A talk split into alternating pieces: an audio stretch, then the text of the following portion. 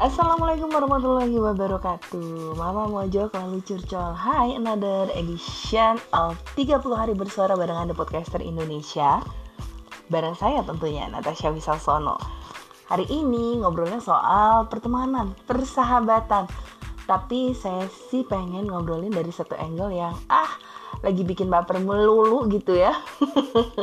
Dan karena ini kan memang podcast curcol Jadi ya biarlah kita sekalian curcol ya ada gak sih yang namanya pertemanan sejati antara laki-laki dan perempuan tanpa melibatkan perasaan?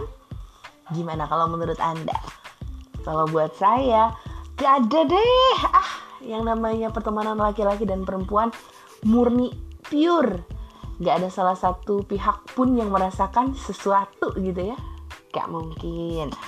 Ini kalau kata salah satu pengarang kenamaan, Oscar Wilde, dia juga bilang nih, Between men and women, there is no friendship possible. There is passion, enmity, worship, love, but no friendship. Saya nggak, nggak ada pertemanan yang benar-benar pertemanan antara laki-laki dan perempuan. Ya kalau mau ambil contohnya dari film lah, udah paling banyak ya. Kalau misalnya suka nonton film seri aja ya, Tahu Friends dong? Ah, legendary banget ya, favorit saya tuh. Judulnya aja Friends, padahal orang-orangnya nih di antara enam orang yang bersahabat, empat di antaranya jadian. jadian satu sama lain gitu, jadi dua pasang. Sisanya dua orang memang nggak jadian, tapi uh, ya sempat flirting flirting sama temennya yang lainnya juga gitu meskipun akhirnya nggak jadi karena temennya jadi sama temen yang lain. Kayak Joey pernah naksir sama Rachel tapi ternyata Rachel dan Ross kan ya abadi lah ya hubungannya. Sampai akhirnya jadian di ujung series. Terus juga kalau suka nontonin How I Met Your Mother nih padahal judulnya aja How I Met Your Mother gitu kan harusnya ceritanya berpusat di antara mamahnya mamahnya dari anak-anaknya Ted Mosby ini sebagai center of the story. Tapi ternyata enggak The Mother cuma diceritain di satu season akhir aja. Dan di akhir cerita begitu uh, ibunya meninggal gitu kan dikisahkan meninggal akhirnya apa coba? Ted Mosby balik sama Robin Sherbatsky. Aduh maaf ya spoiler buat yang belum nonton. Spoilernya parah banget karena ini ditunggu bertahun-tahun sama yang rajin nontonin sih. Ya tapi gitu intinya benar-benar nggak ada kalau menurut saya pertemanan antara laki-laki dan perempuan yang tidak bakal terkontaminasi gitu ya sama main hati. Itu kalau series. Film ah lebih banyak lagi. Pernah nonton ya tentunya ya Friends with Benefits. Ah meskipun katanya kita mau temenan doang. Uh, yang terjadi ya the benefits, you know lah, uh, the sex and everything gitu ya. Itu mah cuma uh, ya cuma benefit aja keuntungan dari pertemanan kita tapi kita sendiri nggak gimana gimana toh ujung-ujungnya jadian. Terus juga ada lagi film yang judulnya 13 Going on 30 udah pernah tahu? Si Jennifer Garner dan juga Mark Ruffalo nih. Dari kecil itu ya bertemannya dan ketika tiba-tiba uh, si Jenny-nya bangun berusia 30 dan nggak berteman sama sahabat kecilnya tuh kayaknya ada yang hilang gitu kan sampai kita akhirnya mengulang waktu kembali ya jadian aja gitu sampai menikah. Dan juga yang salah satu favorit saya adalah Maid of Honor. Tuh McDreamy-nya Grace Anatomy ya. Patrick Dempsey barengan sama Michelle Monaghan ini udah mau nikah banget. Orang lagi dijadiin Maid of Honor justru sahabat ya meskipun dia laki-laki gitu kan. Udah mau nikah sahabat perempuan ya selama ini nggak pernah ngomong apa-apa berasa nggak ada apa-apa tapi begitu udah mau nikah baru aduh eh, nggak uh, mau kalau misalnya kehilangan sahabat saya bla bla bla bla bla. Akhirnya jadian juga. Kan nyebelin ya. Udah mau nikah sama orang lain gitu pikirin dong perasaan orang lain. Aku baper? Tapi sebetulnya ya kalau belum menikah sih nggak apa-apa ya. Dan itu adalah satu hal yang wajar banget kalau di antara sahabat laki-laki dan perempuan akhirnya timbul perasaan cinta gitu kan. Apalagi bersahabatnya ya kalau udah dari kecil sama-sama udah mengenal satu sama lain. Tahu jeleknya apa tahu baiknya gimana, tahu semua sifatnya luar dalam. Dan karena itu adalah sahabatnya sejak dulu, bisa jadi itu jadi acuannya dalam melihat lawan jenis.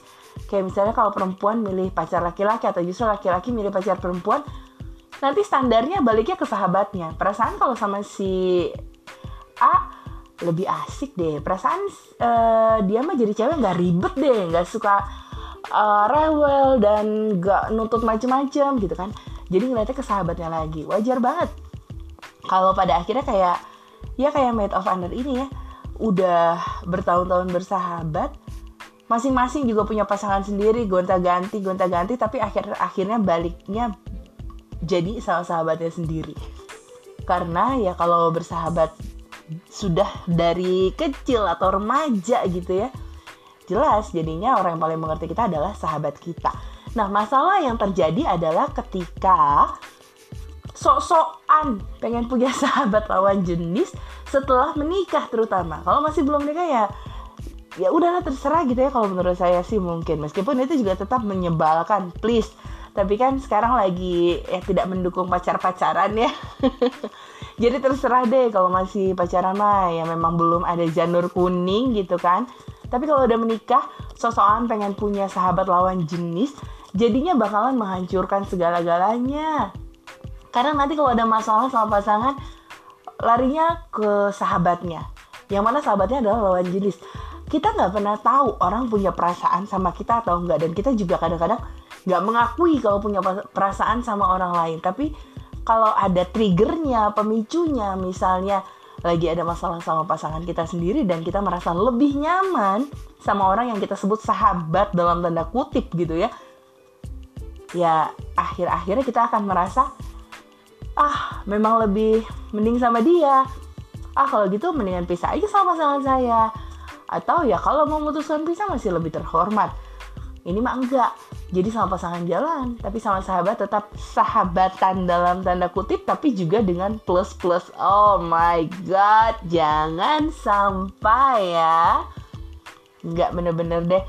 Kalau sudah menikah mendingan gak usah. Centil-centilan pengen cari sahabat lawan jenis. Dan kalaupun punya sahabat yang sudah dari dulu gitu ya misalnya lalu kemudian anda masing-masing menikah dan punya pasangan sendiri-sendiri pada akhirnya yang harus lebih dihargai adalah perasaan pasangan tentunya sebagai partner hidup anda lebih daripada sahabat anda. Kalau misalnya mau hubungan tetap baik ya sama-sama sering bertemu tapi rame-rame nggak cuma anda doang ketemu sama sahabat anda yang lawan jenis istri atau suami nggak diajak oh ya jelas kalau akan ada perasaan cemburu gitu kan. Jadi kalau benar-benar mau bersahabat dengan lawan jenis padahal anda sudah punya pasangan ya jadikanlah pasangan anda bagian dari persahabatan anda dengan sahabat lama anda tapi lebih baik lagi nih kalau menurut saya sih kalau udah menikah ya udah dong Bersahabatlah dengan pasangan Anda. Jadikan pasangan Anda adalah sahabat nomor satunya Anda. Kalau punya masalah, cerita sama pasangan. Kalau ada yang mengganggu, ada yang gak enak, ada unek-unek, ungkapkan sama pasangan. Ya gimana aja kalau kita ke sahabat dong, semua diceritakan. Gak ada batasan apa-apa, begitu juga harusnya kita sama pasangan kita justru malah harusnya lebih dekat daripada orang lain yang walaupun itu adalah sahabat terlama kita. Bagaimanapun juga pasangan kita adalah yang tidur bersama kita setiap malam menghabiskan waktu paling banyak sama kita udah seharusnya jadi sahabat terdekat kita. Setuju nggak? Setuju aja dong. Masa sih nggak setuju? Tapi kalau nggak setuju juga boleh deh ngobrol-ngobrol kita curcol boleh kirim message loh ke IG-nya Mama Mojok buat cerita. Kenapa sih nggak setujunya? Mungkin nanti kita bisa lanjut lagi deh curcolnya. Tapi kalau sekarang udah dulu ya. Moga-moga nggak jadi ada yang baper nih. Kalau ada yang baper juga nggak apa-apa lah.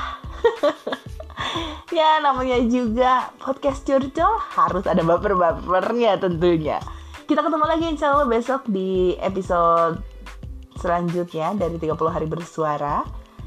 Sekarang sampai sini dulu Natasha Wisasono signing off the air. Wassalamualaikum warahmatullahi wabarakatuh.